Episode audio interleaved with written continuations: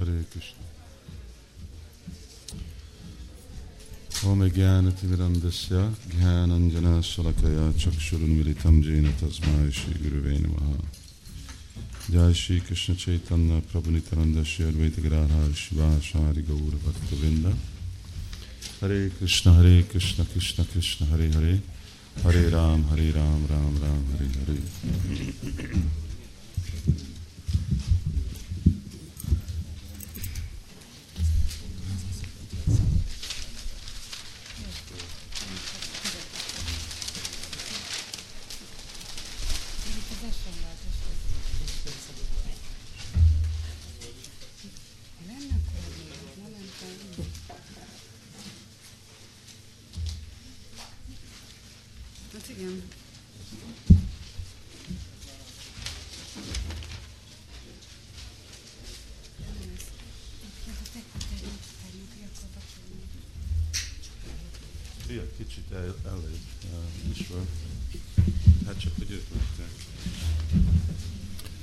tegnap elkezdtünk beszélni a misszióról, és uh, nem tudom, én kaptam valamennyi visszhangot vissza, hogy meg voltak lepve vakták. Nem értettem pont miért, de lehet, hogy máma tudjuk azt egy kicsit részletesebben beszélni. Végre arról volt szó, hogy a misszió az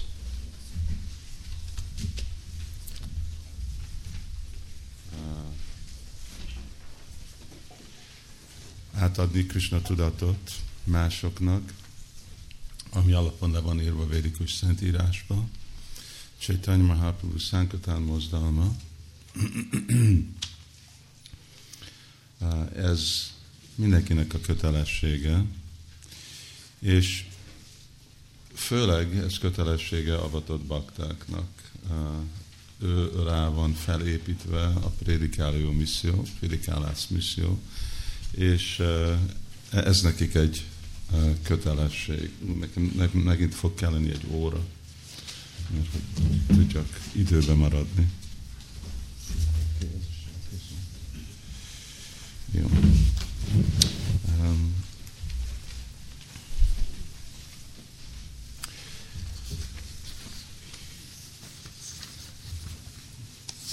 pontok. És beszéltünk valamennyire, hogy mi a sikerje a missziónak, a könyvosztás és a szent név, lényeg, hogy másokat oktatni, úgy átadni a lelki életet, és hogy tudjuk megmérni ezt a sikert? Abból volt, hogy általánosan emberek elfogadják a Krishna tudatot, hogy ők mennyire elhatározott lesznek, mint avatott hívők lenni, hát az rajtuk függ. Nyilvánosan legyenek ők is tudatos, hogy avatás nem ceremóniáról van szó, hanem inkább arról van szó, hogy ők kötelességet látják, és mint fő tevékenység, felelősséget vesznek az ő életükbe a prédikálásba, és terjeszteni Krishna tudati mozdalmat. A végeredmény ennek az, hogy ha bakták ezt komolyan veszik, akkor Sula garantálja nekik, hogy visszamennek a lelki világba. Most a máma folytatjuk egy uh, következő dologgal, és itten Sula Prabhupádnak volt szó, hogy hát mindenkinek a felelőssége prédikálás, és természetesen feljön akkor a kérdés, hogy hát melyik az ásrám a legjobb ennek a prédikálásnak. És itten, amit láttok ezen az oldalon, amit fogok olvasni, ez teljesen, ez az idézet részletben jön ki a nyolcadik fejezet, itten Gajendra Mokshana Lilából. És uh, itten Sula kifejezi, hogy mit jelent egy stabil, biztos helyzetbe lenni.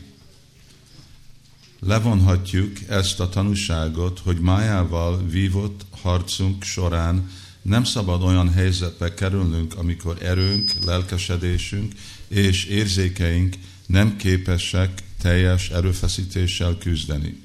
Krishna tudatos mozgalmunk valójában hadat üzenet az illuzórikus energiának.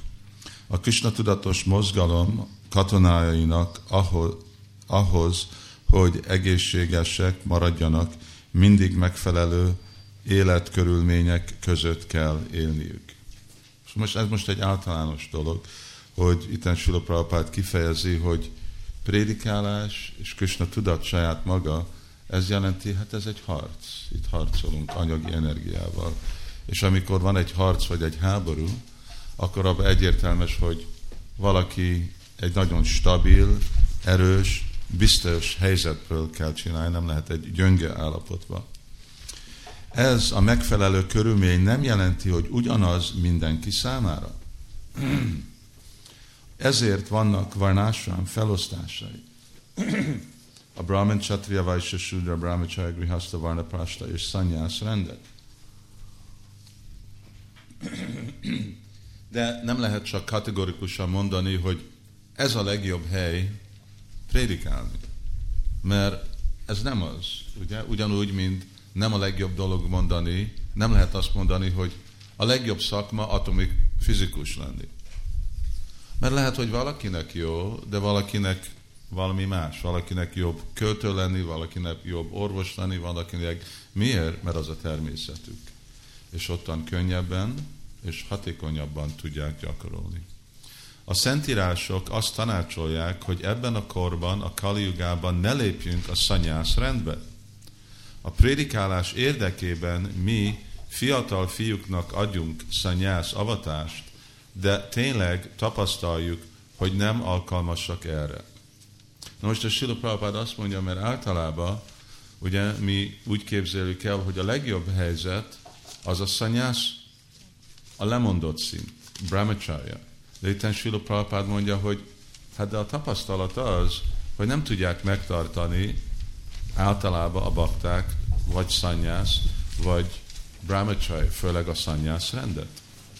Ha azonban valaki úgy gondolja, hogy alkalmatlan a szanyászra, ez nem baj. Akkor lépjen a grihasztamásrámba. Ha valaki egy bizonyos területen nagyon gyenge, az nem jelenti azt, hogy nem kell tovább küzdenie mája krokodíliával. Maradhatunk abban az ásrámban, amely a legjobban megfelel nekünk. De semmi esetre se adjuk fel a harcot, és meneküljünk el. Ugye, szóval ez itt nagyon szép, ahogy Sula Prabhupád ezt kifejezi. Úgy gondolhatjuk, hát igen, szanyász lemondottan, ő neki van legtöbb idő, energia, nincs más kötelessége, nincs, nem felelős másokra, így közel szempontból, mint családi tag, akkor ez biztos a legjobb hely a prédikálásra. Papány mondja, hogy nem, nem szükségesen. Milyen más embereknek a természete mi az ő vágyuk, hogy tudnak ők legjobban prédikálni és gyakorolni Krishna tudatot. És az alapon határoljuk meg. Szóval itt nézzük a pontot, hogy itt a kérdés, mi a legjobb ásvám a misszió számára? Hát lehet, hogy az ideális a lemondás, brahmachari sanyász. De az keveseknek megfelelő. Miért? mert látjuk, hogy nehezen tudjuk azt betartani. Fontosabb, hogy erős helyzetben legyünk. Ez az elv. Nem az elv, hogy ilyen ássám, olyan ássám, ami fontos, hogy mi a legerősebb helyzetünk. Melyben harcolunk májával. Ami azt jelenti, hogy Krishna tudatos vagyunk, és átadjuk másoknak. Így elfogadhatjuk a grihaszta életet. Szóval itten a válasz nem az, hogy akkor legyen mindenki grihaszta, Ugyanúgy, mint nem az, hogy legyen mindenki brahmachari, vagy legyen mindenki szanyász. Itt a válasz az, hogy mindegyik baktának annyira kell magukat ismerni, az ő természetet, azok a, a feltételek, amik őket lekötik, hogy őszintén meg tudja határozni, most hol vagyok én egy, leg, egy erősebb és megfelelőebb katona. És az a legjobb hely. Hogyan lehet a misszióba grihasztáként részt venni? És most azt látjuk, de meg Sula Prabhupád azt mondja, hogy azért, mert általában látjuk, hogy ebbe a korba a lemondás nagyon nehéz, akkor úgy látjuk, hogy a többség nézetek körül, akkor a grihasta ásványba fognak belépni. Jó. Akkor a kérdés, hogy hát most hogy lehet ebbe a misszióba a grihasztának részt venni? Tegnap erről már elkezdtünk beszélni, most folytatjuk. A fő dolgunk a prédikálás. Ted, mint grihasta vagy szanyászi, nem számít. Ez pusztán formalitás. Ezt most hallgatjátok, mert ez egy olyan jó dolog, amit itt Sula Prabhupád beszél. Ez Prabhupádnak az elképzelése, hogy mi a különbség grihaszta és szányász között. Formalitás. A valódi munka a prédikálás. Ez a grihaszta, varnaprasta, ezek mind anyagi szabályozó elvek, de prédikálj, ez a fő feladat. Salitán Sula Prabhupád mondja, hogy nem baj, hogy mi vagy, grihaszta vagy szanyászi, a fő dolgot prédikálni. Aztán, hogy a szanyászi nem, pré, nem lehet neki családja, és a grihasztának meg lehet, az csak egy formalitás, az csak egy részlet. Ez nem a fő dolog. Nem ezen épül fel az élet. Az élet min épül fel? Itten. Ezek szabályozó elvek. És mit szabályoz? Hogy hogy maradsz erősebb? Prédikálni. Ugye? Szóval mindegy katonaságban. Vannak katonák, akik lovasok. Vannak azok, akik lábasok. Vannak azok, akik elefántosok. Vannak azok, akik szekéresek. És miért? Mert ők eztet jobban csinálják, legjobban így harcolnak. Ugye? Szóval, de mi a, a fontos dolog? A harc. Aztán, hogy most ilyen vagy, olyan vagy, ezt csinálod, ez, ez már csak részlet. Ez formalitás. Ez nagyon jó dolog. Szóval így is nem a fő dolog az, hogy én most krihaszta, és akkor ez a dolog, vagy nem, hogy én most szanyász lettem, és akkor elvonultam a világból, nem. Hanem ez a legjobb hely, ahol prédikálsz, és aztán vannak ezek a másik szabályozó elvek, hát ezek csak részletek. Aztán most mit csinálhatnak a grihaszták? A templom vezetőnek általában szanyászinak kell lenni, de lehet grihaszta, ha szabályozott. És hogyha látjuk az első idézetet, Prabhupád mondja, de ez csak formalitás, szanyászi grihaszta. Szóval, hogyha szanyá, a grihaszta úgy él, mint egy szanyászi, nagyon szabályozott, szimpla élet, nincs semmi ok, hogy ő nem lehet templom prezident. Az a tanácson, hogy te és a feleséged prédikáljatok együtt. De ha a feleségednek ez nem tetszik, mit tehetek? Ezt most csak beraktam, az majd később is jön fel az idézet, hogy itt Sula Prabhupád hangsúlyozza, hogy ez az ő tanácsa, hogy mit csináljon a grihasztra, prédikáljon. De hogy majd a férj nem szereti, hogy a feleség nem szereti ezt a prédikálást, a Prabhupád mondja, hát mit csináljak? Ha végre kényszeríteni nem lehet. Mindenki el kell fogadni a saját felelősség, azt a fogadalmat, amit mondta. Ha megházasodsz, Dolgoznod kell majd, hogy eltartsd a feleséged és a családod, és próbáld meg legalább az öt, legalább az 50 százalékát a Krishna tudatnak költeni. Szóval, ha grihaszta vagy, akkor lehetsz templom prezident, hogyha templom prezident lesz, akkor minden más is lehetsz. De Prabhupád mondja, de hogyha nem akarod, vagy te nem ezt nem akarod csinálni, vagy a párod, hát mit tudok csinálni? akkor milyen alternatívot ad Prabhupád? Akkor jó, akkor lakhatsz kint, akkor dolgozhatsz, és legalább 50%-ot ajánlhatod terjeszteni Krishna tudatot. Szóval ez most a kettő alternatív. És ez nem az egyetlen hely, ahol Prabhupád mondja ezt a szót legalább, amikor az 50%-ról van szó. És hogy lehet, a feltétel, hogy lehet így élni, 50%-ot adni? Ez csak akkor lehetséges, ha a grihaszták nem ragaszkodnak az otthon kényelemhez, a feleség, a gyermekek, a barátok és mások társaságában. Meg kell elégedni annyival, amennyi elegendő ahhoz, hogy testét és lelkét együtt tartsa. Szóval itt mi a végkövet? A végeredmény az az, hogy hogyha még kint lakik, akkor ugyanúgy lakjon ottan, mint templomba, vagy lehet látni, hogy 50% rögtön meghatározza, hogy hogy lehet lakni. Aztán erre majd van részlet, amit lehet, hogy lehetne kérdezni, hogy ez most ez egy kezdőpont, ez egy elv, vagy rögtön, ahogy kiköltözők, 50 százalék, itten mondjuk lehet a, a részlettel, vagy a idővel alkudni, de az elvet, ami a fő dolog, avval kezdjük el, hogy azt elfogadjuk. És a Prabhupád mondja, hogy igen, ezt lehet csinálni, amikor valaki otthon grihaszta ásám.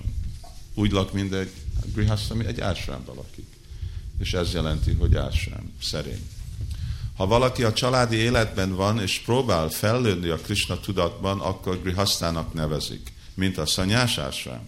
Ásrám azt jelenti, hogy vannak lelki tevékenységek. Nincs vele baj. De használd a Krishna tudat fejlesztésére. Akkor grihaszta vagy. Hm. Szóval itt most mik a pontok? Egy, hogy ez a válasz a kérdés, hogyan lehet a misszióban grihasztánként részt venni? Prédikálni. A fő dolog prédikálni. És így egy szabályozott grihaszta lehet templom része, lehet egy templom prezident, annyiféle másféle szolgálatot csinálhat arra, hogy prédikál. De, hogyha valami oké, ez nem felel meg. Itt most mondjuk az extrém dolog, mert lehet, hogy valaki hasznosabb is a külvilágba dolgozni, mint templomban. Mi nekünk is vannak mondjuk olyan bakták, akik dolgoznak, és ők mondjuk többet adományoznak, mint 5-6 szankritános. Szóval akkor az azt jelenti, hogy ez is egy döntés, ez is egy kategória, nem csak, hogy valaki nem akar könyvet osztani, vagy templomszolgálatot fejezni, de látva, hogy jobban tud szolgálni ottan kint. Tegnap, amikor mentem Londonba, Árpáddal beszéltem, ő mondta, hogy ő kihívta az EGRI Sankirtán csoportot, hogy most is karácsony között. Most is karácsony között ő többet fog adományozni, mint az egész Sankirtán csoport. Akkor ez egy jó dolog, ugye kint dolgozni. Hogyha ez igazából így lesz. Ó, oh, azt hittem az egész csoport.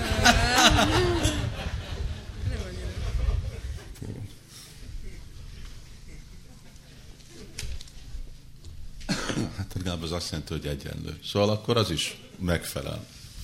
Jó. Félnek és feleségnek együtt kell prédikálni, de ha nem tudnak, vagy nem akarnak, mi az alternatív, avatott bakta, akkor dolgozniuk kell, és 50%-ot a missziónak adni. Amit akkor lehet megtenni, hogyha azták egyszerűen élnek, de próbálnak lelkileg fejlődni. Szóval egyszerű élet, és a cél visszamenni Krisnához. Harmadik pont. A grihasztáknak miért nem prédikálnak, vagy adnak 50 ot Itt van, feljön a kérdés, hogy miért van az, hogy grihaszták nem csinálják ezt, tehát azok, akik kint laknak. Most itt inkább az a kérdés, hogy miért nem fogadják el ezt az elvet.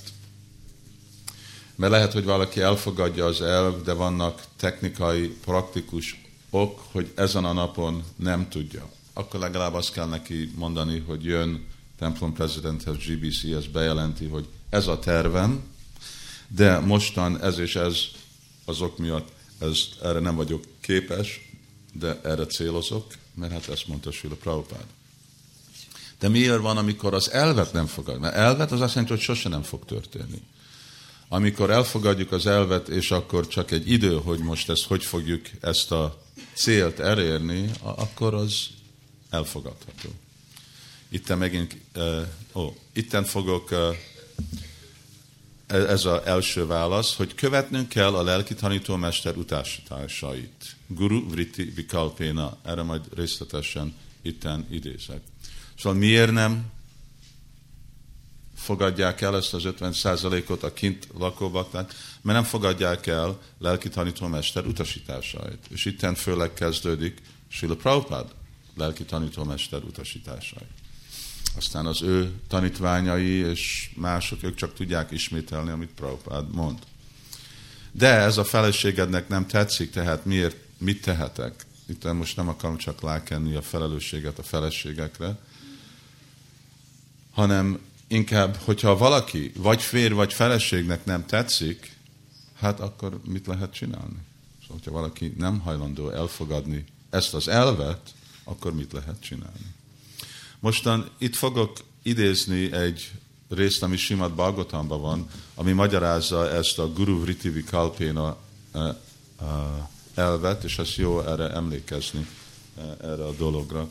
És ezt most nem azért idézem, mert mostanában beszéltünk ilyen témáról, hogy gyerekek, grihasztáknak gyereke, és hogy hogy lehet gyereket hozni a világba, és mi a felelősség, stb. De hozom, mert annyira, mert hát Sila Prabhupád maga adja ezt a példát, és ez nagyon hangsúlyozza, hogy milyen mértékben felelősség van Shastra, Guru uh, szava grihasztának az életében, mert sokszor van az elképzelés, hogy grihaszta élet az jelenti, hogy független, privát élet, és én itt vagyok, és most vagy bejelentem magamat ezt a pár órát a templom szolgálatra, vagy önkéntes szolgálat egyszer egy héten, vagy itt van az adomány, de többet ne szóljál bele, ami aztán én csinálok, az az én dolgom. Megint, mint avatott baktának, ez nem néz ki, mint Sila Prabhupádnak a útmutatása. So Guru Vritti Vikalpéna, Vikalpéna az azt jelenti, hogy elfogadni, és Guru Vritti a szabály, utasítás a lelki tanítómesternek. Az embernek néha ezt félreértik, és azt gondolják, hogy a grihasta, a családos ember bármikor élhet nemi életet. Ez egy tévés felfogás. Most emlékezz, ez nem egy párbeszéd, vagy lecke, ez Balgotamba írja Sila Prabhupád. Akár grihasta, akár varnaprasta, akár szanyászi, akár brahmachari, valaki, mindenki a lelki tanítómester irányítása alatt áll. Mind ahogy Sula Prabhupád előbb mondta. Ez a másik dolog, ezek csak részlet, formalitás. Mindenki lelki tanítómester irányítása alatt áll. A grihaszták csak a guru utasítására élhetnek nemi életet. Máskülönben, ha a lelki tanítómester nem adja engedélyt, tart, tartózkodnia kell a némi élettől. Egy, grihasztának nem szabad függenie a... Ó, ez, ez egy másik. E, e, ez már nem onét van. Bocsánat, ez egy... E, ez nem Balgotamban van, ez ugyanaz a beszéd, ami alulról van, más után vannak. Szóval ez az idézet egy én szempontból fontos idézet, mert hát mennyire nem, ugye mennyire fontos dolog ez, hogy gyereket hozni a világba, ez a fordulópontja a grihaszta életnek, és itt Sula Prabhupád hangsúlyozza ezt a dolgot, hogy még ez, és hogyha ez, akkor hát annyiféle más dolog, mindenkinek úgy kell vezetni az életét. Szóval Guru Vritti Bikalpéna, amikor valaki elfogadja ezt az elvet, hát igen, hogyha azt mondja, hogy nekem kell 50%-ot adni, akkor kell 50%-ot adni. Ugye? Akkor el van fogadva. Amikor valaki nem fogadja el ezt az elvet, akkor elutasítja ezt a rendszer, és akkor többé-kevésbé független állapotban van. Ezt valaki hogy nem működik. Akkor mit jelent az, hogy hát grihaszta független legyen? Egy grihasztának nem szabad függ, függenie a közösségtől. Jelenti, hogy iszkan. Ugyanakkor nem szabad függetlennek sem lenni a közösségtől, és Prabhupád nevet. Ezért, nem lehet függet, függő lenni, és nem lehet független. Mit jelent? Ez a helyzet, mert a közösség nem viselhet gondot. Olyan sok családra, hány családot tud egylátni az egyház, és főleg hány családot tud egylátni azon a szinten, ahogy igényeli mondjuk egy grihasztra. Erről már beszéltünk. Tudnak ajánlni valamit, de nem tudnak meggarantálni mindenféle életstílust, ami egy grihaszta akarna. akkor ez nem az egyháznak az ügye. Olyan sok családra. Ugyanakkor, ha függetlennek maradnak az közösségtől, kapcsolatás nélkül, akkor a karmik mérge meg fogja fertőzni őket. Szóval csak azért, mert egyház nem tud egy látni mindegyik grihasztát. És ez is lehet egy ok, hogy miért nem lesz valaki akkor templomi prédikáló, mert lehet, hogy az lesz a templomnak a helyzete, hogy csak X grihasztát tud elfogadni, és amikor mondjuk grihaszták szeretnének gyerek, azt mondják, hogy hát mi nem tudjuk, nem vagyunk olyan kapacitásban mostan, jó, akkor neked függetlenül kell élni. De mit jelent a független? Azt mondja, hogy nem lehet egy független, ez jelenti, hogy abszolút független helyzetben. Ha a grihaszták távol tartják magukat a templomi kapcsolattól, nem vesznek részt a programra, mangalajtik, lecke, uh, szangába, akkor lassan két elvesznek. Szóval itten akkor ezek a grihasztáknak nem, hogy csak 50 százalék, hanem őnekik, itten Prabhupád mondja, hogy közel laknak a templomhoz, ugyanakkor ők rendszeres programra jönnek, társulnak, leckét hallgatnak, stb. Egy családos embernek szigorúan követni kell a Grihaszta Asrám szabályozó elveit, és csapázni kell 16 kört. Hát, és 16 kör négy szabály. Ez az első dolgok, vagy ezek az első fő dolgok, amik kezdenek csúszni, amikor ezek a másik kapcsoló dolgok, amik megtartják a kapcsolatot, lesznek hanyagolva. Pontok. Mert visszautasol a kérdés, a grihaszták miért nem prédikálnak, vagy adnak 50%-ot, mert visszautasítják a guru vriti bikalpéna elvének elfogadást, hogy életüket a guru utasítására kép, képít, képítsék, építsék. Pardon. Szóval ez elv. Valaki ezt elutasítja, akkor azért nem fog beadni. És ennek lesz egy folyamat. Ez történik, ha a grihaszta távol élnek a templomtól, és nem látogatják a programokat, nem követik a szabályozó elveket, és nem csapáznak 16 kört.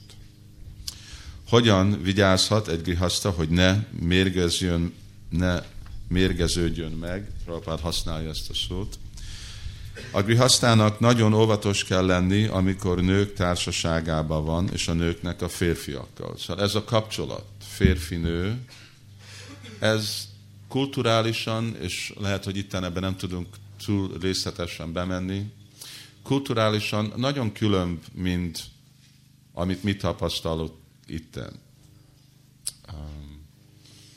Majdnem elképzelhetetlenül különb uh,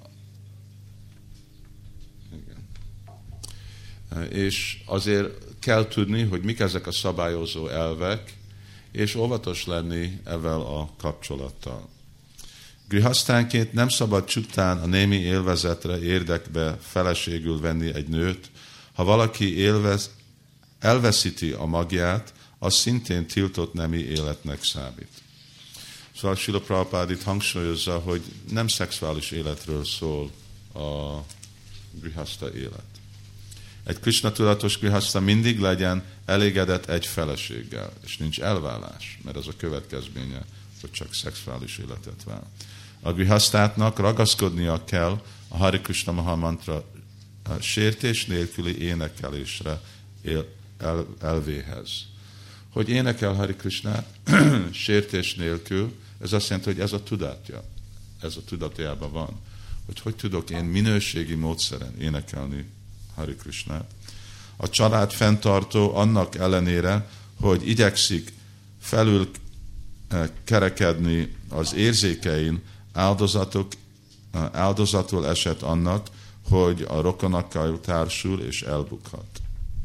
Ez azt jelenti, hogy nagyon óvatos lenni, itt Prabhupád használta ezt a, a példát, hogy rokonokkal társulni, de végre ez arról van szó, hogy milyenféle társulást tartani mert főleg, hogyha dolgozunk kint itt a külvilágban, hát azokkal társulunk, akiknek a értékrendje teljesen külön, mint a miénk. És főleg, amikor van valami érzelmi kapcsolat olyan személyekkel, Sula Prabhupád mondja, hogy rokon, ez nem jelenti, hogy el kell utasítani a rokonokat, hanem óvatos kell lenni, hogy hogy társulni.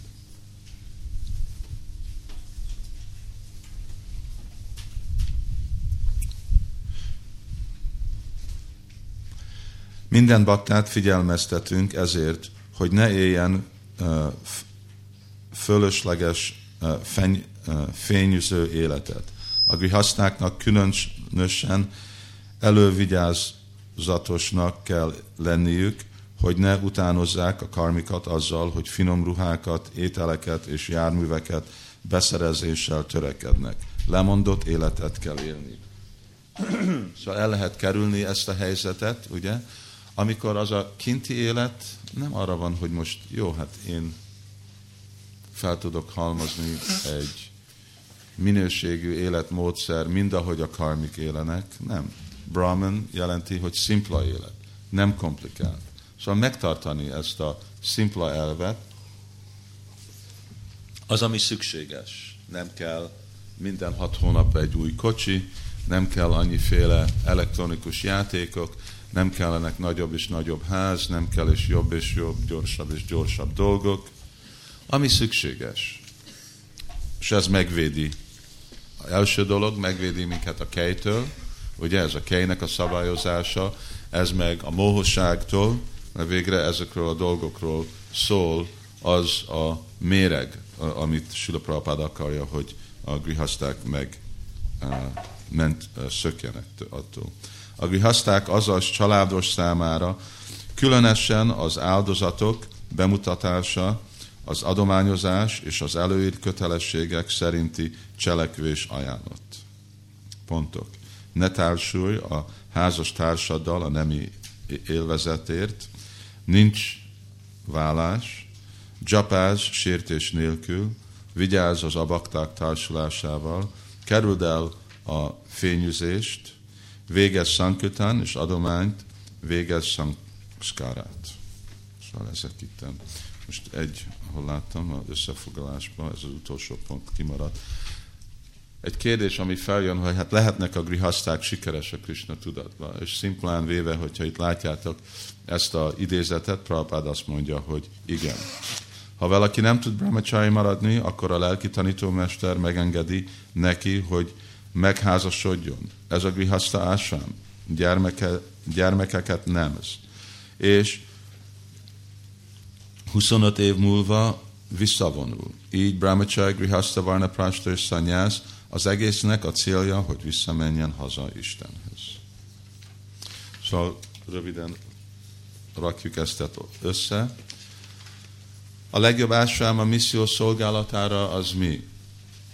Ideális esetben a lemondott lehet, rend lehet, vagy a brahmacharya. De szemmel látható az, hogy, hogy ez csak kevéseknek való. Ezért az ember legyen mindig abba az ásvámba, mely a legtermészetesebb. És ezt onnan lehet tudni, hogy mennyire jól tud az ember megküzdeni májával. És látjuk, hogy sokan grihasztában vannak, igen. És a grihaszták részt vehetnek a misszióba. Elsődlegesen a prédikálással. Válasz, hogy igen.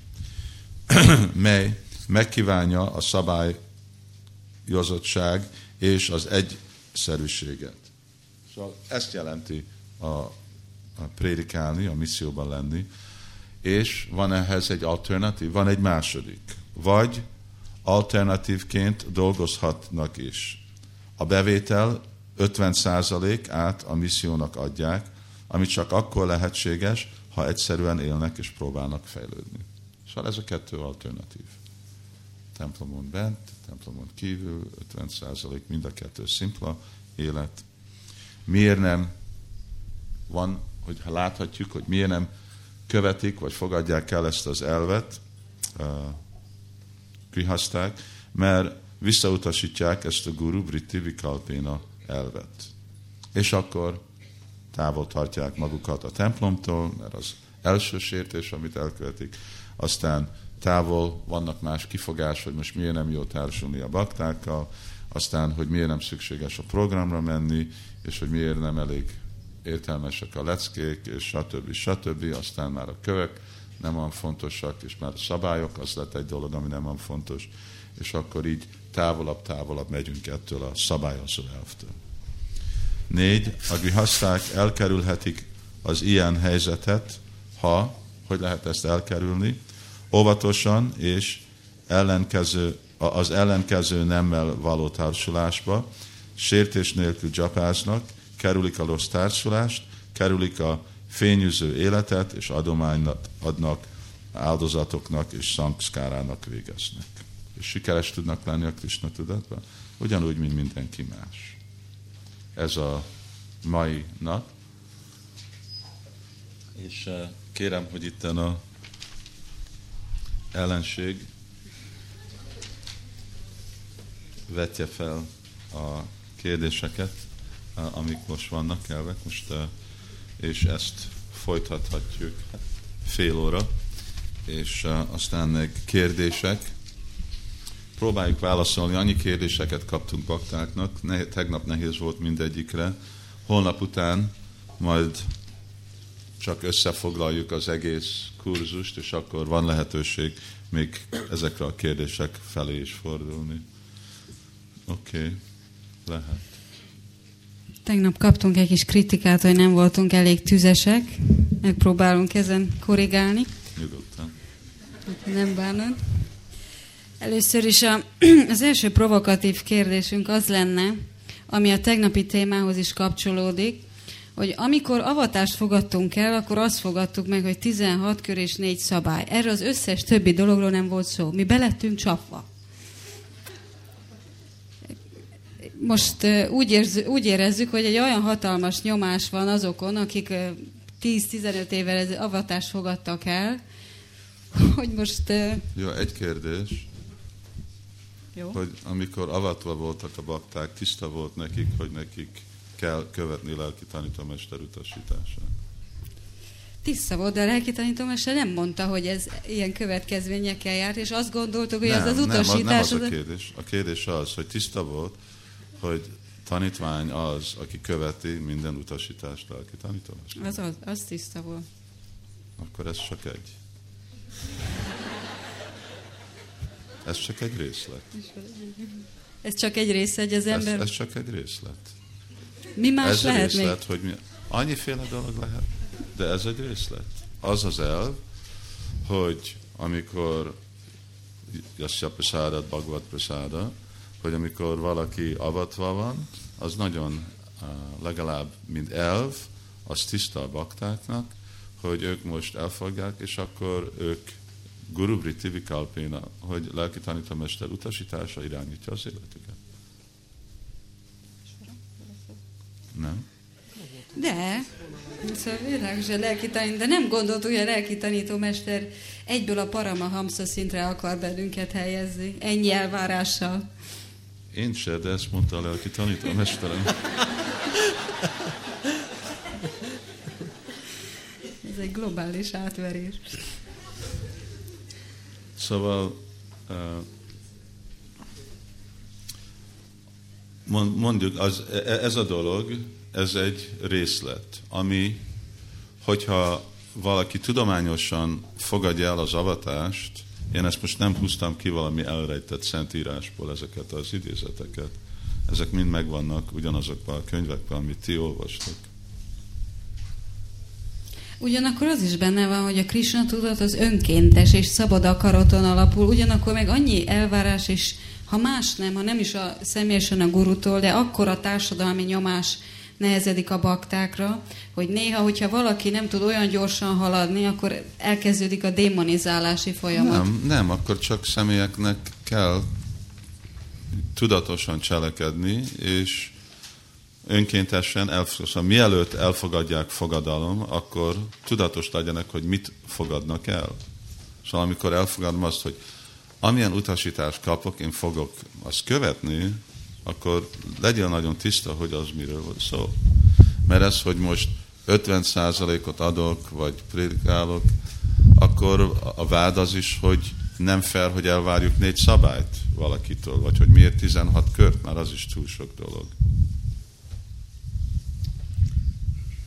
Maradjunk most csak ennél az 50%-nál. Mondjuk nekem nincs pénzem, de ha lenne, akkor érdekelne ez a téma, hogy most itt egész pontosan a bevétel 50%-áról van szó, vagy a profit 50%-áról? Amit...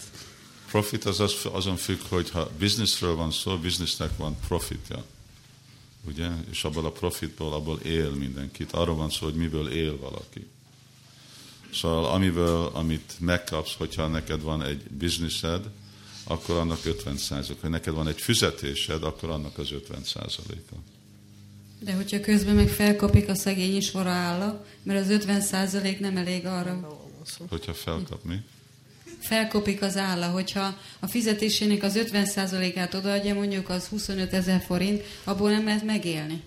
Akkor az kinek hát, a felelőssége? Itt, itt, itt vannak elég sok emberek faluban, akik megélnek abból. De először kezdjünk, hogy mi az elv, aztán beszéljünk a részletről.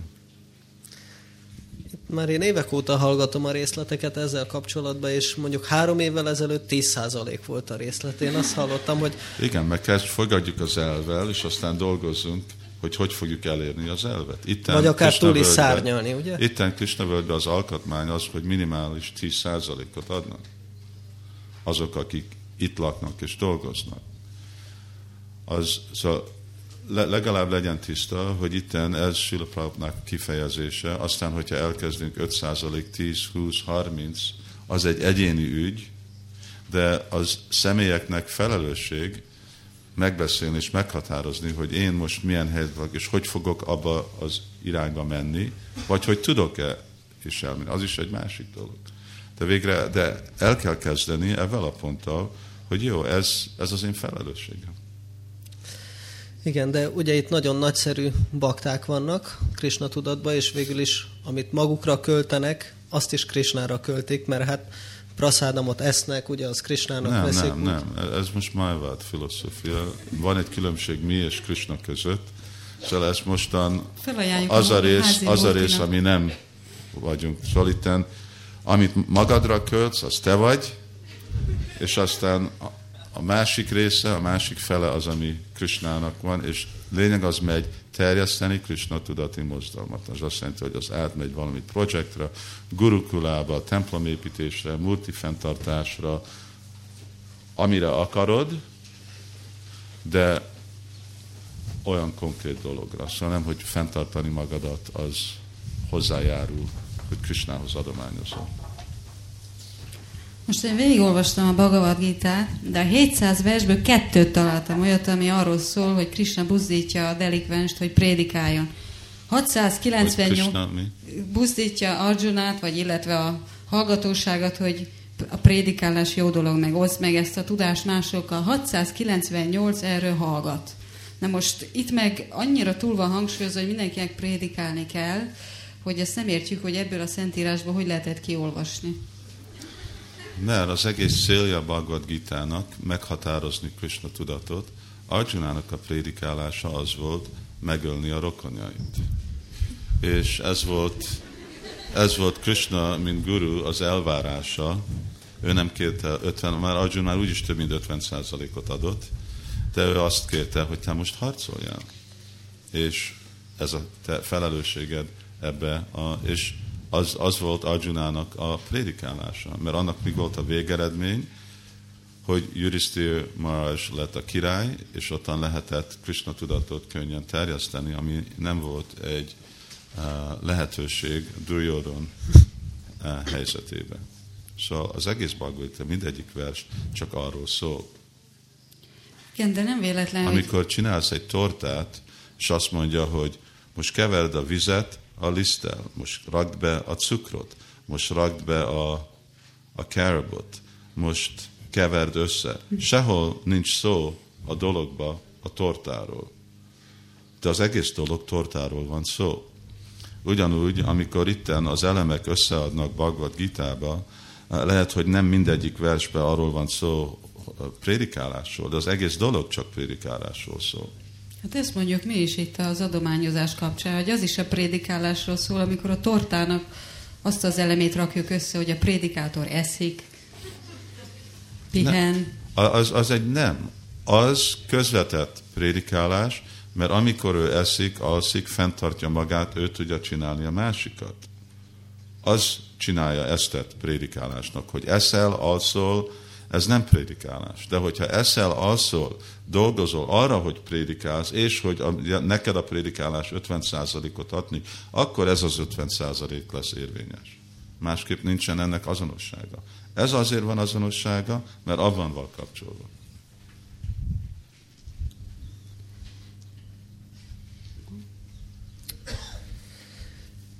Jó, hát akkor áldozzuk fel a baktákat, menjenek, dolgozzanak, keressenek annyi pénzt, hogy még a felét oda is tudják adni, amellett, hogy ők maguk nem halnak éhen, de akkor azt ne várjuk el tőlük, hogy hajnalba háromkor keljenek, ott legyenek a programokon, figyelmesen csapázzák a 16 körüket, szaduszangát tartsanak föl, mert ez, ehhez már több kiterjedés kell, hogy egy ember ennyiféle elvárásnak megfeleljen. Miért? Emberből vannak.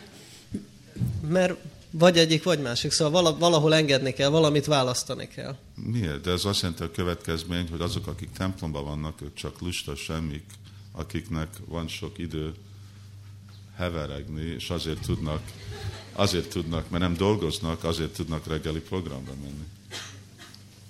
Nem, de ők prédikálnak. Tehát ő nekik, nekik az... nem kell megkeresni magukra a pénzt. Dehogy nem. Hát másképp miből marad fenn egy templom?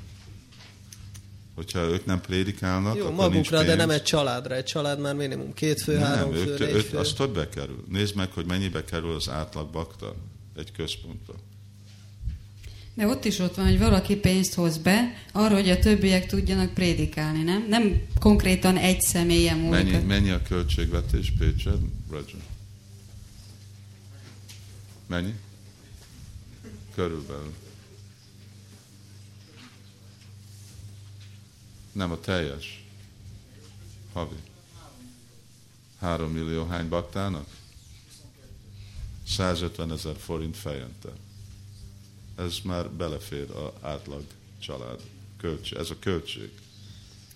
Jó, de ott van egy szervezet, már van egy kitalált dolog. Kaliugába találni egy munkát, ez nem egy egyszerű, amivel annyi pénzt tud valaki keresni, hogy még ideje is marad, lelki életet tud gyakorolni. Nem, de itt ez, ezek nem azért csinálják, azért, mert csak kimennek az utcán, és valaki keresi őket, és itt van a 150 ezer forint, és akkor menj vissza boldogan. Őnekik is kell dolgozni nehezen.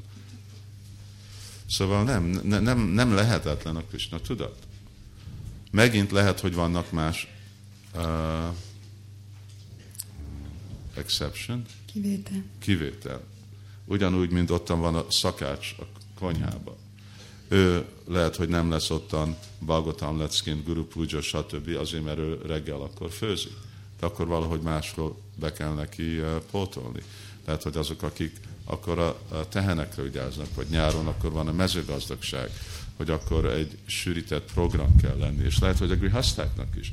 És mondjuk, hogy neki korán reggel kell dolgozni, akkor jó, akkor lehet, hogy ők esti programot tartanak inkább, mint reggeli programot. De anélkül, hogy van egy programjuk, társulnak, és van társulás, nem fognak tudni megtartani Krishna tudatot. Független, hogy 50 százalékot adnak, vagy semmi százalékot.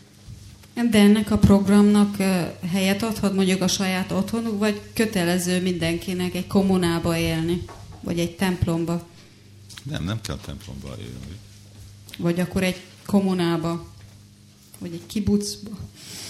Nem, nem, nem kommunál. Az, az a dolog, hogy templomban vannak murtik, templomban van egy rendszeres program, templomban vannak más bakták, akiknek a társulása fontos személynek a személyes életére, és itt megint ez az elvet el kell fogadni.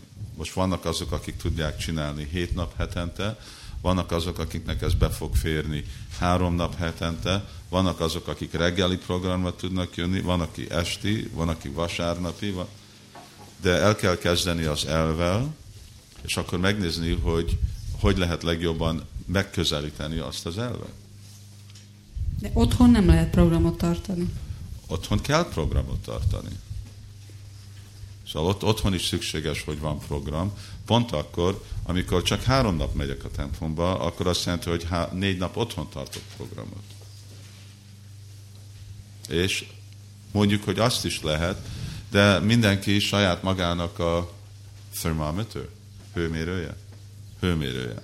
Kell ér, érni, amikor kezd forni a vér, amikor kezd fölfelé menni a kej és a mohóság és a másik dolog, az azt jelenti, hogy most nem jó az egyensúly.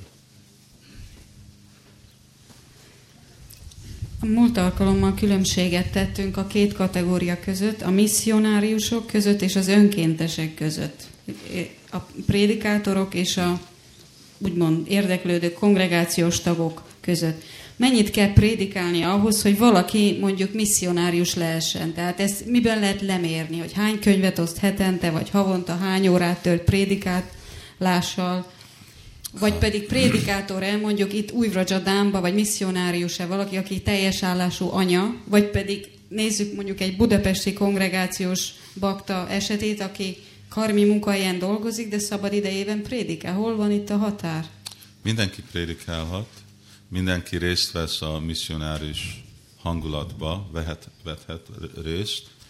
Uh, itten arról volt szó, hogy vannak, és azért, mert nem csak egyének prédikálnak itten, hanem inkább az intézmény jelenti, hogy van egy szervezet, ami fenntartja magát, mind a példa, mind egy katona hadsereg, ottan vannak valamennyi, akik harcolnak, aztán minden harcolóra van három személy a háttérbe. Ugyanúgy, és azok is egy rész a hadseregnek. Szóval ugyanúgy van intézmény jelenti, hogy lesznek annyi személyek, akik lehet, hogy aktív személyesen naponta prédikálnak, közvetlenül kapcsolnak, és magyarázzák élőlényeknek a Krishna tudatot. És vannak azok, akik meg támogatják őket, és az az intézmény, és azok a lehetőségek, amik adják ezt, és amihoz meg mások tudnak jönni, azok is prédikálnak. És aztán vannak azok, akik elfogadják ezt, mint kötelesség, az avatottak, és vannak azok, akik meg önkéntesen csinálják, azok nem avatott avatást fogadnak el. De mind a kettő tud prédikálni, csak a különbség, hogy ugye egyiknek köteles egyféle mennyiség és minőség, és a másik választhat. És ha azt választja, ez a második, szóval mondjuk egy támogató tag, hogy segít a prédikálásba, szóval a misszionárius azt dologba, tökéletes. akkor lejjebb lehet faragni azt az 50 ot hogy akkor... Akkor ő azt csinál, amit akar. Na. Miket hallunk itt úgy? Szóval hány, szóval hány százalékkal lehet jelenti, levenni? hogy önként? De akkor itten erről van szó, itten erről van szó, hogy avatott bakták, akik köteles részt venni a misszióba, vagy templom, vagy dolgoznak, és 50%-ot adnak. Azok, akik nem avatást fogadnak el, és nem fogadják el ezt a Guru Vritti Vikalpéna elvet, és főleg Prabhupádnak az elvé, hogy terjeszteni Krishna tudati mozdalmat, akkor ők önkéntesen csinálnak amennyi szolgálatot, amennyi prédikálást, adományoznak, amennyit akarnak, mert ők nem vették ezt a fogadalmat, hogy én ezt fogom csinálni. Jó, de ha valaki avatott, szóval elfogadta, avatott. és segít a missziós dolgokba is, de mondjuk nem egy templomi bakta, de besegít, akkor tőle már nem lehet elvárni azt az 50%-ot, mert valamennyit úgymond ledolgozik belőle. Hogy, hogy dolgozik inkább, mint... Nem. A... Mondjuk ő dolgozik is, de mondjuk havonta egyszer tart egy bajant a vasárnapi programon, tehát részt vesz a missziós dologba. Jó, de az, az nem váltja fel most 10%-ot a Hát 8-at legalább. Nem, most az a kötelessége énekelni Krishna. De mi van, ha valaki mondjuk emellett közösségeket vezet, sejtet vezet, murti szolgálatot Fel, végez? Meg, meg, meg kell beszélni. Lehet, hogy ez is megint részlet. Ez azt jelenti, hogy jó, 50% pénz, ugyanakkor lehet mondani, hogy 50% idő.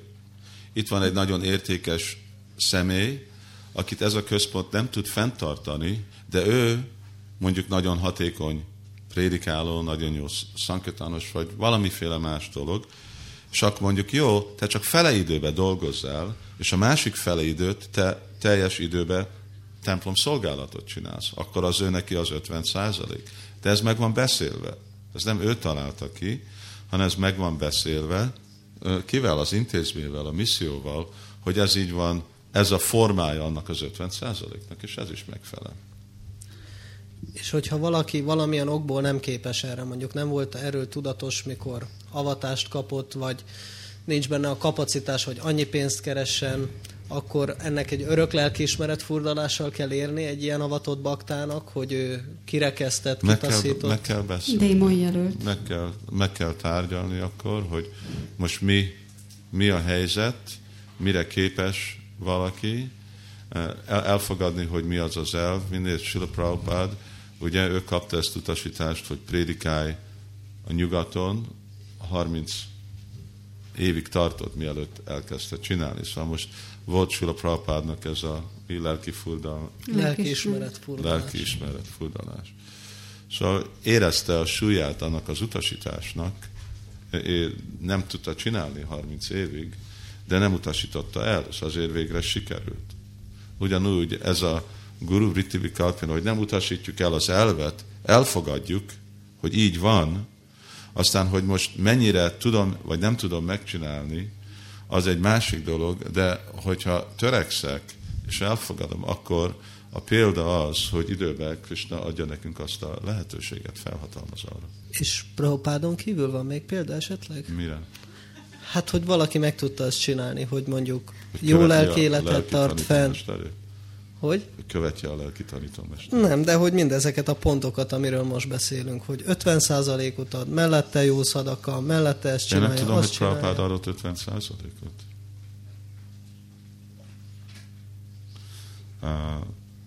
De Prabhupád azt mondja, azt várja el, hogy az történjen. És még ez érdekes, hogy hogy adja a Silo Prabhupád sok helyen ezt a formulát. Nem adja, hogy 50%-on éljél, és 50%-ot adja el. Ő azt mondja, hogy 50%-ot adjál, 25%-on éljél, és 25%-ot rakj el a jövőre, amikor visszavonulsz. És vészhelyzetre. Szóval, hogy a 25% Elég jó kell keresni ehhez, hogy, Vagy minden nap három szemrist rak félre. hogy elég bőjt kúrára fogja az ember magát. Meg szeretném itt kérdezni, hogy... Mert, hogyha már ott fogunk kint dolgozni, akkor már legyen, va- szóval itt erről van szó az egész dolog, hogy legyen eredményes a prédikálás. Nem azért csinál valaki bizniszt, hogy szegény ember legyen, akkor már legyen jó módú. De ehhez vaisjának kell lenni, tehát az embereknek a nagy többsége nem vaisja. Főleg azokról is szó van, akik mondjuk a templomba éltek M plusz egy évig, és azt hallották, hogy a templom ez csak egy oktatási intézmény, hogy amikor innen kikerül, akkor az életébe tudja ezt a tudást hasznosítani, és utána nem akar teherként élni az egyházon, nem föntartja magát, de nem egy üzletember. Nem egy vaisja, hanem Meg kell, meg kell beszélni, meg kell látni, lehet, hogy nem. Ezek hogy, hova, hova férnek be ezek a bakták? Mert ezek egyre többen vannak, mert a templomokból nem fér mindenki. Ők vajon missziósok, vagy önkéntesek? Hát vannak, vannak a... Jó, el, el, el, elfogadom, azt akartam mondani, hogy vannak a vajsák, és aztán vannak a lusták. Gitában egy kicsit több kategóriával talán. Mert, mert látom, hogy itt a, a karmik, akikből jönnek ezek a bakták, ők valahogy fent tudnak tartani házat, dolgoznak napi 14-15-16 órát, annyiféle más anyagi igényt el tudnak érni, Szóval, és de honnét jöttek ezek a bakták? Most ők különlegesen kiléptek a nem vajsa De kategóriába. ők 18 évesen csatlakoztak, nincsen szakmájuk, nincs képesítésük, nincs aki, tud, tapasztalatuk. aki akar pénzt csinálni, az csinál pénzt. A levegőből csinál pénzt. És nem, nem a szakma, nem az oktatás garantálja a jó módos életet. Hogyha, hogyha ott- ottan van, akkor azt személyek meg tudják csinálni. Itt nekünk is, mi kongregációban elég sok példa van, akik nem szakmások, azok, akik adományoznak ottan, a többségük nem nagy szakma, nem nagy iskola, nem nagy... Ők kidolgozták saját maguk, hogy hogy eh, kell csinálni. És látják, hogy ez az én misszióm. És ugyanúgy, mint a templomban ők gondolják, jó, hogyha én most így fogok, akkor ez az én kötelességem. Nem, hogy az én misszióm fenntartani a családomat, az a következménye az, én fenntartom a családot, azért, mert most az én misszióm, hogy én dolgozok, és akkor adományozok, és ugyanakkor tartsam fel a családot. De ezt lehet esetleg ezeknek a bakták esetében hogy 50% idejük arra megy, hogy fenntartsák a családjukat és önmagukat, és 50%-ukba pedig prédikálnak, vagy közvetlenül segítik a missziót, attól még alában ők lehetnek misszionáriusok, vagy pedig már egyből visszaestek az önkéntes kategóriába? Nem, nem. Ez, ez egy dolog, ami meg kell határozni. Ugye ez, ez meg van beszélve, ami praktikus szempontból, hogy hogy jobb az egyének, hogy jobb egyháznak, és a Prabhupád mondja, nem, nem, nem lehet mindegyik grihasztát el fenntartani. Nem fog, nem fog az működni. Egyház nem tud fenntartani mindegyik grihasztát. Hát akkor tapsoljunk és örüljünk, ha legalább magukat fent tudják tartani. Nem, az is olyan nem mert a kötelességük nem csak magukat fenntartani. Kezdjük avval, hogy a kötelességük fenntartani magukat, és ugyanakkor fenntartani az egyházat. És nem, hogy az, hanem őnekik a kötelesség fenntartani az egyházat és a brahmacsáikat. Nem a brahmacsáiknak, vagy nem a tanulóknak a kötelessége fenntartani egyházat, hanem a grihasztáknak. Ez az ő darmájuk.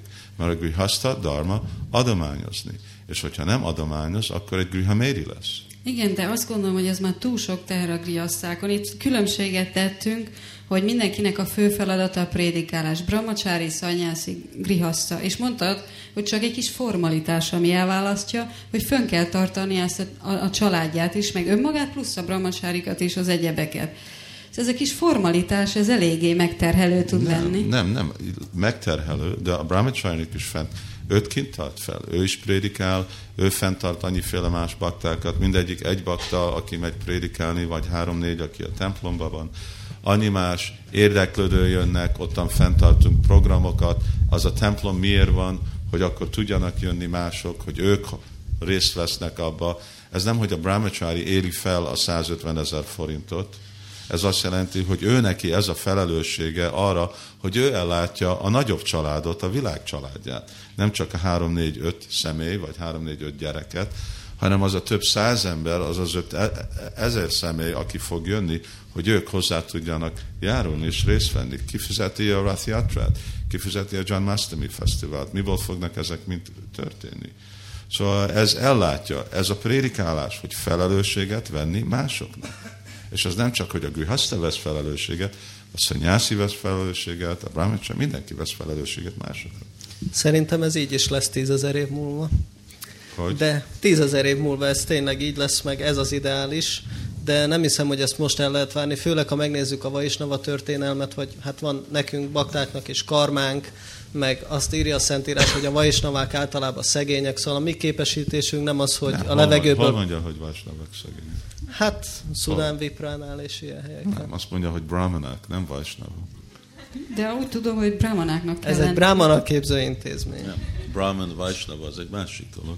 Hát tudjuk, hogy a Vaisnava fölött áll, de lehet, hogy nem lenne rossz a Bhagavatam lecke után egy kis pénzkereső kurzus is. Yudhiszthirmás nem volt szegény, Pundrik Vidi nem volt szegény, ezek nem szegény emberek voltak. Ezért egy pár, pár brahman, Krishna Das Kaviraj Goswami nem volt kifejezetten gazdag. Ő, ő, ők, ők, ők, ők mind szanyászik voltak.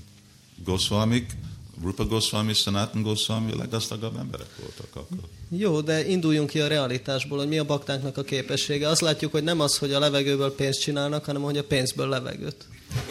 Igen, igen, van sok tapasztalatom. Tanuljanak, tanulják meg.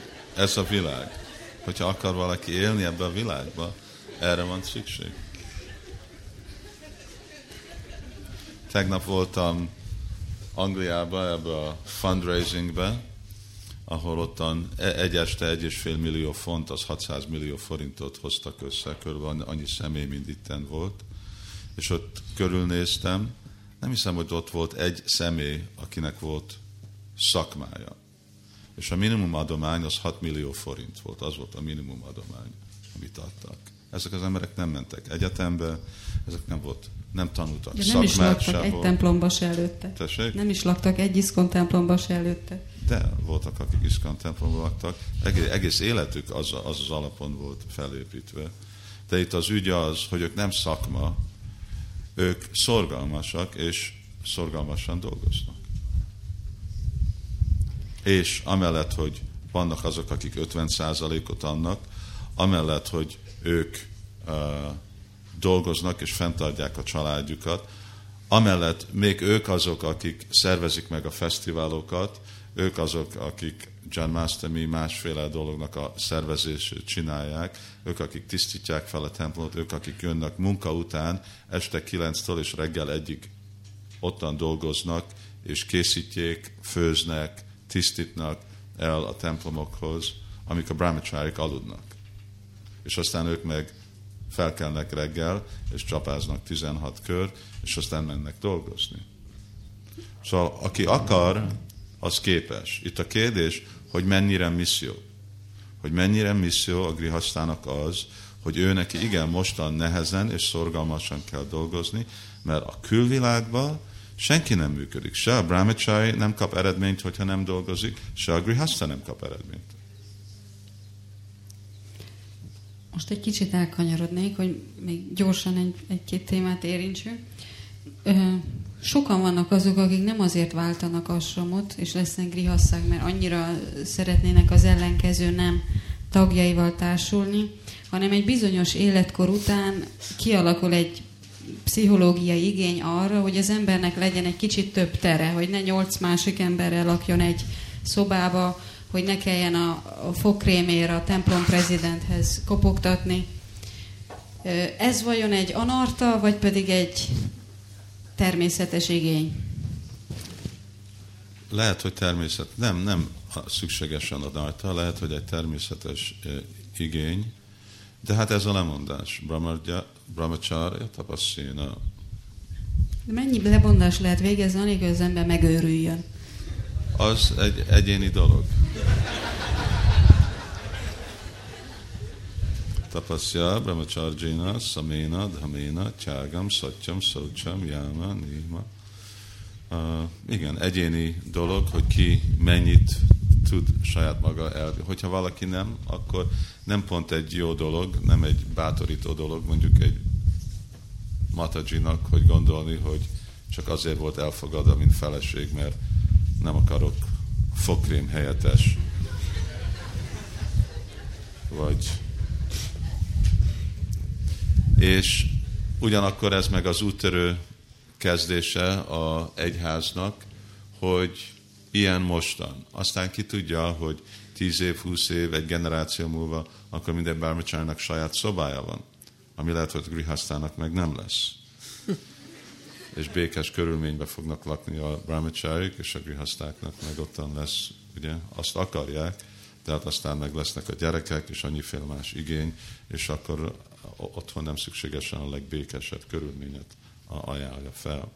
Szóval az lehet, hogy egy természetes dolog, de a kérdés az, hogy pont mostan mennyire tudja ellátni ezeket az igényeket az egyház.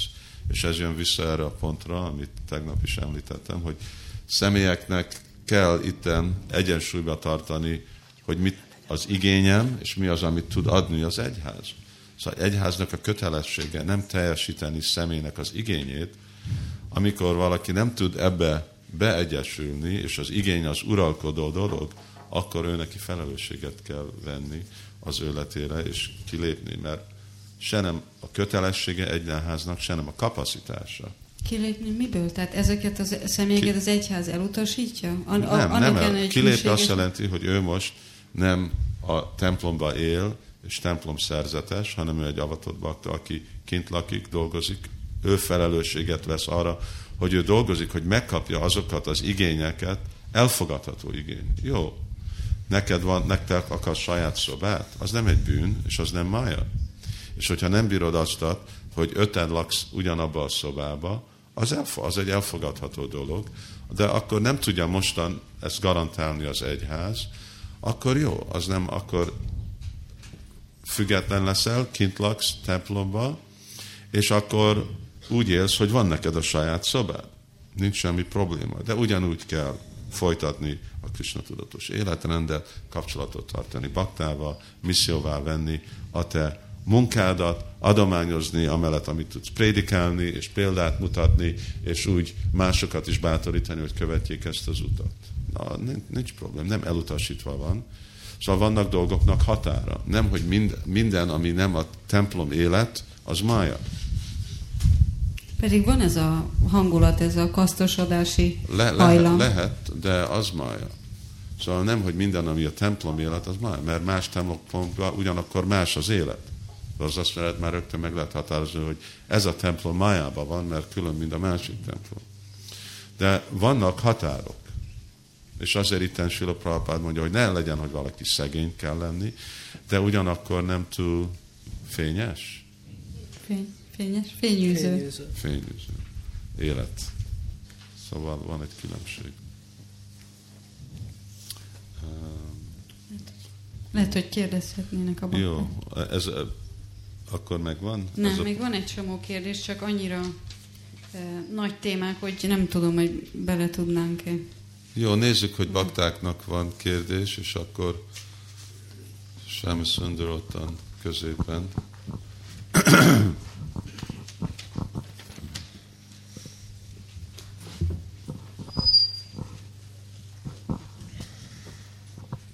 Ja. Hallottunk arról, hogy Sila Prabhupád ugye azt is mondta, hogy a, a 50%-ból, amit valaki magára fordít, 25%-ot ő Rupa Goswaminak a példája nyomán azt mondja, hogy tegyen félre szükség esetére. És ö, én még ezt sose hallottam, Ez nyugdíj.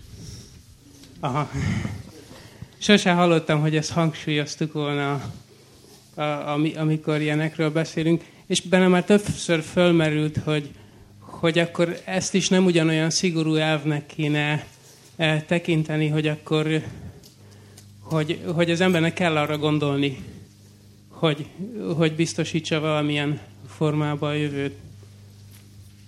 Mivel, hogy Rupa Goswami ezt a, a példát adta nekünk, szóval nem kéne nem csak azt a részét, amit az egyháznak az az ember, hanem amit a jövőre később beteszel, ezt is nem, nem kellene ugyanolyan komolyan venni. Én meg soha nem hallottam, hogy ezt valaki hangsúlyozta volna.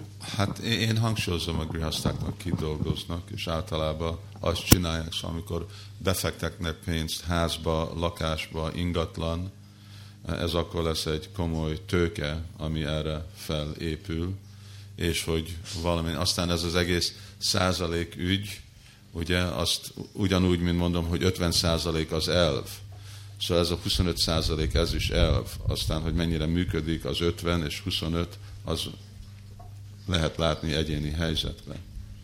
De igen, természetes dolog, hogy arra kell, kellene tervezni, és ez egyféle, vagy ez egy pont, amit többször beszélünk egyházon belül is, hogy a baktáknak is, azok, akik maradnak, mint szerzetes, őnekik is valamit tervezni a jövőbe. De ez egy, eh, szóval mindent egyszerre nagyon nehéz eh, megszervezni. De igen, az elvek azok fontosak. Szóval legyünk tiszta mindig, hogy mik elvek, és aztán nézzük, hogy hogy közelíthetők ezek az elvek meg.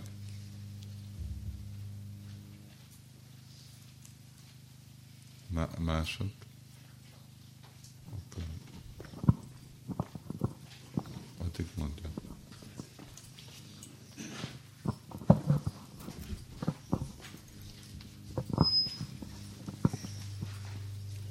Ez az 50 százalékos, százalékos elv biztos, hogy egy nagyon jó dolog, csak úgy, ahogy mondtátok ti is, hogy nem tudom látni, hogy hogyan lehet ezt manapság megvalósítani.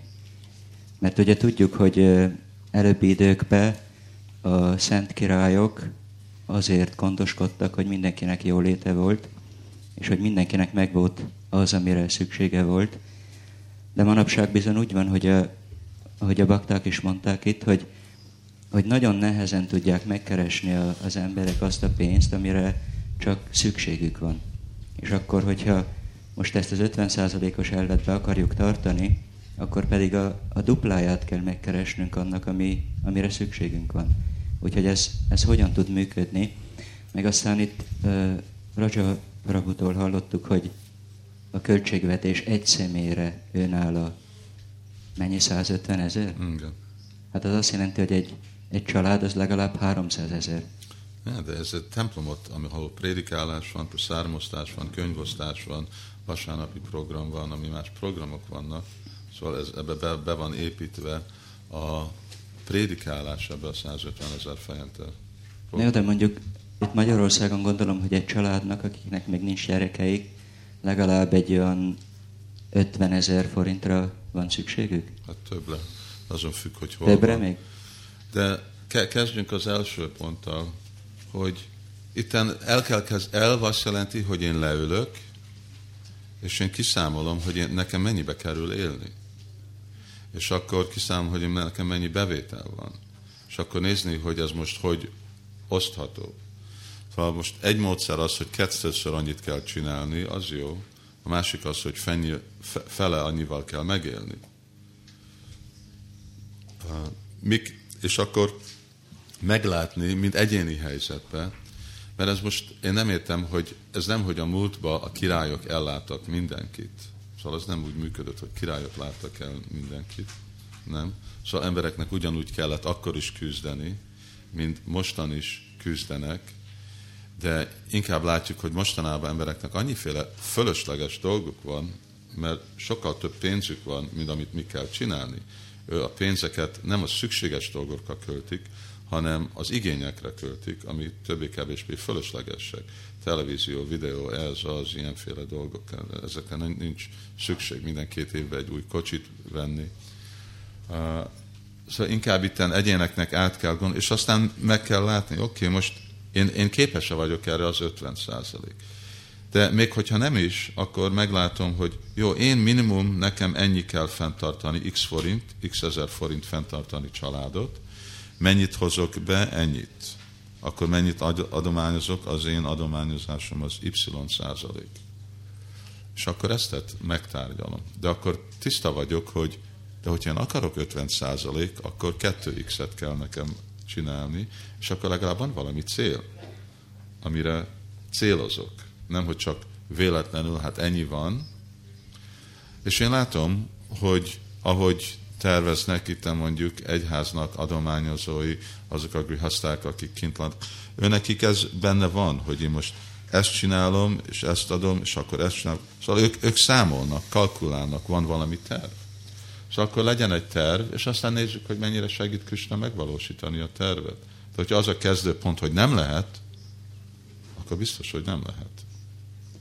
Hát mondjuk az természetes, hogyha valakinek van valamilyen biznesze, és akkor egy csomó pénzt keres, hogy abból 50%-ot, hogyha lead, akkor még, még akkor is sokkal több marad neki, mint, ami, mint amire szüksége lenne az élethez. Lehet. De hogyha valaki pedig mondjuk sudra, mint legtöbben vagyunk, akkor nem látom, hogy hol van olyan munkahely, ahol annyit meg lehet keresni, hogy az ember dupláját keresse annak, amire szüksége van. Erre majd fogunk beszélni, hogy az egyik kötelesség a grihasztáknak. Hogy kötelesség azoknak, ez a másik része a prédikálásnak, hogy akkor a grihaszták kezdenek összetartani, hogy hogy tudnak ők több és több pénzt csinálni egyháznak. Szóval, hogy ne dolgozzanak kint bakták, mint valami munkás, ki tudja, hogy kinek, Karminak, hanem inkább dolgozzanak egyház, inkább dolgozzanak másik baktákkal. Ezt csinálja a zsidó társadalom, ezt csinálják más vallási társadalmak, akik együtt maradnak, együtt dolgoznak, pont ezzel a célral, hogy erősítják egymásba ezt a lehetőséget, hogy szolgálni az egyházat. Na de ott se tudnak dupláját keresni annak, amire szükségük van. Ott is csak annyit fognak keresni, mint hogyha egy karmi. Ez, ez azon függ. Ez azon függ, hogy hogy dolgoznak. Amikor dolgozik tíz bakta egy cégbe, és az a cég meg csinál, ki tudja mennyi haszont évente, és az a haszon az mind megy az egyháznak a szolgálatára, akkor az lehet, hogy kiszámolható az, hogy akkor több mint 50%-ot hozzájárul az az egyén személy, az az egyén bakta. Vagy másképp van, hogy inkább mint haszon, akkor a fizetése dupla annyi, és akkor ő személyesen adományoz. De ez elképzelhető, amikor baktáknak van terve. Szóval, hogyha nem avval kezdünk el, hogy nem lehet, hanem avval kezdünk el, hogy hogy lehet, és avval törekedünk, akkor működnek dolgok. Szóval Prabhupád ezt mondta, most nem, hogy vitázni, hogy hogy ez nem praktikus, hanem inkább kitalálni, hogy hogy lehet. Szóval lehetetlen volt a nyugatra menni és terjeszteni Krishna tudatot a mulatsáknak. És csak erre rágtak ugye 40 évig Bhaktisztánta Sarasvati tanítványai, hogy miért nem lehet. A Prabhupád avval kezdett el, hogy lehet, és 30 évig tartott neki kitalálni, hogy hogy lehet. De azért, mert meg volt győzve, hogy Guru Briti Vikalpéna, ezt mondta lelki tanítómesterem, akkor lehet.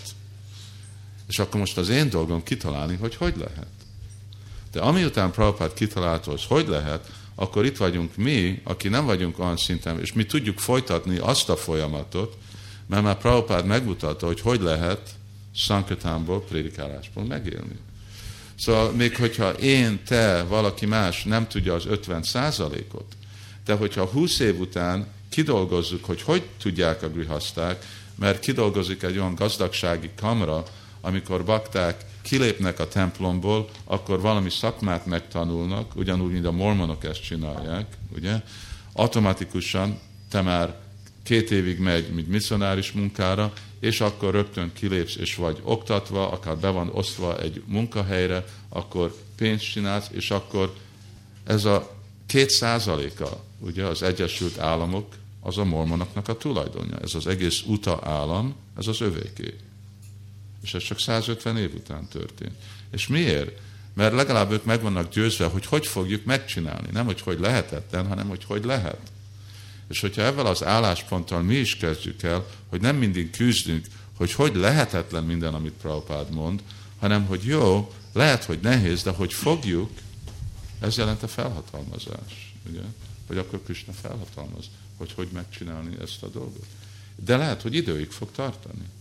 Mert nem, nem egy egyéni dolog, hanem szankitán.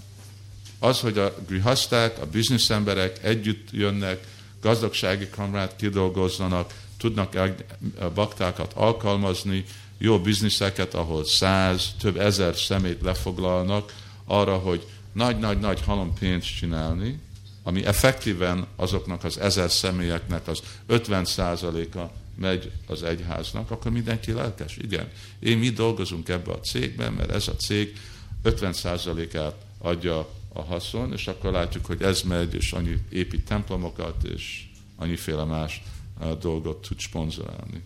De az időig fog tartani. Ez nagyon jó terv, és ez, ez gondolom, hogy úgy működni is fog, csak most a jelenről beszélünk, hogy bakták, akik most templomnál nem tudnak lakni, mert mindenki nem tud a templomnál lakni most már, túl sokan vannak a bakták, akik riaszták, hogy ők, hogyha nem a templomnál laknak, akkor kívül laknak, és akkor ő nekik valami karminál kell dolgozniuk, valami sudra munkát legtöbbnek, és hát még annyit se tudnak megkeresni, amire valójában szükségük van, és akkor hogyan, tud, hogyan tudjanak dupla annyit megkeresni? De pont ez erről szól most a, az egész szeminárium, hogy hogy megtartani ezt a misszionáris hangulatot. Mert ők megtartják ezt a misszionáris hangulatot, hogy valahogy kell, ők úgy dolgoznak, és cselekednek másokkal, hogy ez hogy, hogy megvalósítható. És még hogyha ők nem tudják mostan, még hogy ők nem is élnek meg, de ebbe az irányba mennek, cselekednek, ezért társulnak más paktákkal, más krihasztákkal, a templomban van program, ezért jövünk együtt megbeszélni, hogy valahogy megyünk előre megvalósítani ezt a dolgot. Mert ez a misszió. Misszió nem az, hogy máma ebbe a percben minden megtörténik, hanem hogy tudjuk azt a dolgot elérni, aki a missziónak az alapítója, megmondta nekünk. És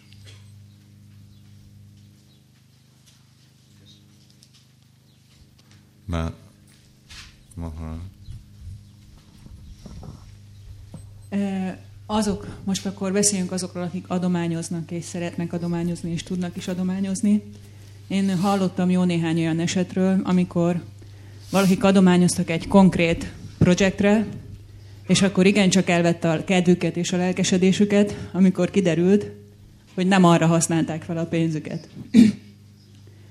Ilyenkor általában szokott lenni az a cáf, jönni az a cáf, hogy hát az alacsonyabb rendű motiváció, hogyha valaki nézi, hogy mire használják fel az adományt. Mint hogyha csak úgy adja, anélkül, hogy megcímkézni. Mi itt az igazság? Uh, hát az általános erkölcs az, hogy amikor valamilyen különleges cégre van adva, akkor arra kell használni. És úgy kell elszámolni pénzzel. Úgy, ugyanúgy számolunk el a államhoz, hogy mire van használva a pénz. Szóval ez így kell, hogy így legyen. Lehet, hogy van valami különleges körülmény, amikor ez nem történhet, akkor inkább a, a templomnak, vagy azok, akik veszik a, kapják azt a pénzt, őnek a felelősség bejelenteni, hogy most ezek és ezek az okok miatt nem lehet, és hát legjobb lenne először őtől megmondani, hogy ez elfogadható, nem, nem tudjuk másképp megoldani, most valami komoly dolog történt, és akkor hát általában bakták, igen, de ez nem egy, szóval egy olyan jog, mert végre van az a, hogy köteles valaki, hogy adományozzon, de ugyanakkor nem, hogy neki nincsen semmi szólnivalója. És végre meg ugyanakkor, hát semmi nem kényszeríthető, szóval mondja, jó, de nem akarod csinálni, mit tudok csinálni? Szóval, hogyha valaki elveszti a kedvét adományozni, akkor elvesztette a kedvét. Ezt majd később olvassuk, hogy ez is a felelőssége az intézménynek és az egyháznak, hogy felelősségképes módszeren uh, kezelni azokat a pénzeket, amik kapnak.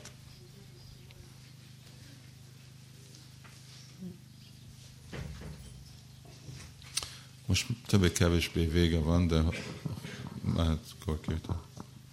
Én még csak egy dolgot szeretnék hát kérdezni, hogy mennyire felelősség az egyháznak a, ugye nagyon sok fiatal, fiatal szóval nagyon sok személy fiatalon jön a mozgalomba, és nincs meg az a munka morál, vagy munka, ez az erkölcs bennük, hogy felelősséget vegyenek egy munkára, hogy mennyire felelősség az egyháznak, hogy oktassa a fiatalokat arra, hogy ha majd kikerülnek mondjuk a grihaszta életbe, és még esetleg ideális esetben egy egyházi berkeken belül vannak lefoglalva, akkor tudjanak rendesen dolgozni, elfogadják azokat az elveket, hogy dolgozni kell 8-10 órát azért, hogy megéljen az ember, stb. stb.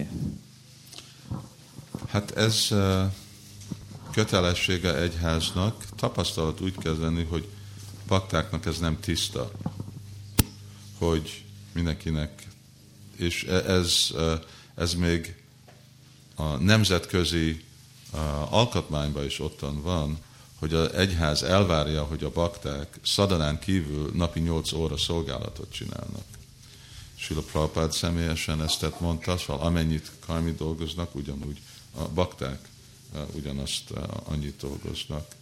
Ahogy látjuk, tapasztalat, hogy valahogy van egy félreértés a bakta, azért mert bakta vagyok, azért mert szadanázok, akkor, hogyha én 5 órát, 4-5 órát szolgálatot csinálok, az úgy megfelel. De ebből igazából belepusztulnak emberek, mert kimennek anyagvilág, gondolják, hogy így megélnek, akkor hát vagy csak úgy élnek meg, hogyha tolvajok vannak, és, de másképp, hogyha őszinte módszeren dolgoznak, négy óra munkából nem lehet megélni. Főleg még 50 százalékot adni. És eh, ezt sokszor halljuk azok a támogatók, akik dolgoznak, és ők napi 10, 12, 14 órát kell nekik dolgozni arra, hogy tudnak, és eh, ők is látják ezt a dolgot, és kifejezzék, hogy itt pattáknak nem teljesen tiszta, hogy mit jelent a munka ebbe a világba, és mondjuk csak azért, mert szankitánozok, vagy könyvet osztok, hogy azért, mert egy olyan fontos szolgálat nem jelenti, hogy öt óra elég vagy csak azért, mert én szerzetes vagyok és templomban vagyok, akkor kilenctől egyik dolgozok, és négytől ötig, és akkor az megfelel. Ez, ez, nem, ez nem, ami jelenti a prédikálás. Ez nem misszionáris hangulat. És külvilágban ebből emberek nem tudnak megélni. Szóval kötelesség, de úgy talált, hogy itt van egy hiány ezt az üzenetet átadni. Jó lenne, hogy ez a tiszta lenne baktáknak, és hogy a vezetők is jobban hangsúlyozzák ezt, hogy lássák szemek, lehet, hogy kellene a kint dolgozó bakták leckét adni valamikor, vagy Isten Gostiba, hogy mit jelent ott dolgozni a külvilágban, és hogy milyen nehezen. Ugye van erről tapasztalat az étteremben. Bakták beszek, milyen jó származtás, származtás, amikor kiderül, hogy reggel 7-től este 8-ig kell dolgozni, akkor már nem már lelkesek a származtásról. De ez egy nagyon komoly dolog, és azért hoztam fel ezt a lusta pontot, mert azok, akik kint dolgoznak, azoknak nagyon keményen kell dolgozni arra, hogy megélnek. És de az nem veti ki, hogy akkor ők nem gyakorolnak, nem ugye hát ez nem, időben nem tart négy szabályt betartani, inkább 16 kör tart időbe, és azon kívül még eljönni Deity Greetingre és Bagotam lecke, maximálisan az egy óra, ugye, ottan vannak dolgok, amik befér az életbe, meg a karmiknak megvan, őnekik van az esti programjuk, hogy visszajönnek, televíziót néznek, érzékelítés, diszkóba mennek, szóval ők se dolgoznak 24 órát naponta. Szóval inkább az egyiket mi a másikkal kihelyesítjük. Jó, itten ebbe a pontra ki volt ottan? Ó, Csaitanya. Jó, van utolsó. Hogy nem tudom, de úgy éreztem, hogy egy kicsit elfor, vagy hogy átfordult a és ez a jelen helyzet, mert amit Hémalavanya kérdezett, vagy ahogy Krishna Liláik is kérdeztek, a nagy része az volt, hogy a baktáknak a gondolkodása már átfordult, szóval hogy visszafelé megyünk. Szóval az alap az, hogy avatott bakta vagyok, grihaszta vagyok, még gyerekekről nem is beszéltünk, de mondjuk van pár gyerekem, és nem tudom őket gurukulába járatni, karmikkal kell dolgozni, vagy iskolába járniuk, nem tudom adni a fizetésem felét, mert keveset keresek. De nekünk az alap inkább az, hogyha, hogy azon kell hogy legalább én úgy értettem, hogy az alap az, hogy azon gondolkodunk, hogy ha nem tudom biztosítani a gyereket, vagy azt, hogy a gyerekem bakta legyen, akkor nem vállalok gyereket. Ha nem tudom föntartani magam, úgy, hogy a, támogatom a missziót, akkor nem leszek grihaszta. Vagy hogyha mindezt nem tudom csinálni, vagy ezekre szükségem van, de nem tudom követni, amit Prabhupád mondott, akkor nem fogadok el avatást. Szóval, hogy, hogy a bakták, ahogy gondolkoznak, úgy érzem, hogy és nem tudom, hogy ez eh, most a, a iszkomba, hát legalább a magyar játrába mennyire általános, hogy, hogy most mi visszafelé gondolkodunk, és amiről mi vitázunk, amivel, amiről mi veled vitázunk, az pont ez, hogy, eh, hogy eh, nem az elejéről megyünk, vagy nem a, a kezdőponton megyünk előre, hanem már kész helyzeteket próbálunk most megvitázni visszafelé. Helyes. Igen, hogy mit akarok, mi az igényem, mi az elvárásom Krishna tudatból, hogy így legyen, úgy legyen, úgy legyen. Na most befér-e Prabhupád utasításába ez a kép? És ami nem fér be, akkor azokat kezdem lefaragni. Nem? Szóval Guru Vritti Vikalpéna, vagy Sisha Vritti Vikalpéna. Ugye? Most a tanítvány határozza meg, vagy a guru határozza meg. és igen, itt vagyunk 15 éve, és akkor már most mi fog történni, tízezer évről beszélünk, itt van 15 éve, és vitázzuk meg, hogy egyáltalán praktikus-e vagy nem, hogy mit mond Prabhupád. És azért vagyunk itten, pont, hogy most vitázzunk, és vitázzuk, de a kérdés kell, hogy most igazából ez egy vita, itt most van vita, mint most Indiában vitázzák, hogy köteles legyen lezárni vágóhidakat, főleg a teheneknek. Most ez egy vita. Indiában ez egy dolog, amit vitázni. Miért kell vitázni? Nincs vita. Ugye? Hogyha India követi dharmát, akkor nincs vita, akkor nincsen vágóhíd, akkor nincsenek a teheneknek a megölése. Szóval ugyanúgy, hogy nekünk van vita, és itt most nem Krishna Lila, vagyis Krishna Prabhu, akiről van szó, hanem ez a vita ez megy, pörög, nem is csak megy, hanem pörög, gyorsan pörög, hogy bakták kezdenek, főleg amikor itten erről a grihaszta életről szól, kezdenek meghatározni célokat, és akkor nézni, hogy most belefér ez Krishna tudati elvek, vagy nem. És akkor az egy komoly dolog, mert a végeredmény az lesz, hogy arra, arról lesz a kérdés, hogy belefér a Krishna tudat, vagy nem mert itt most elvekről az a kérdés, hogy hát befér a Krishna tudat az én elvárásomba.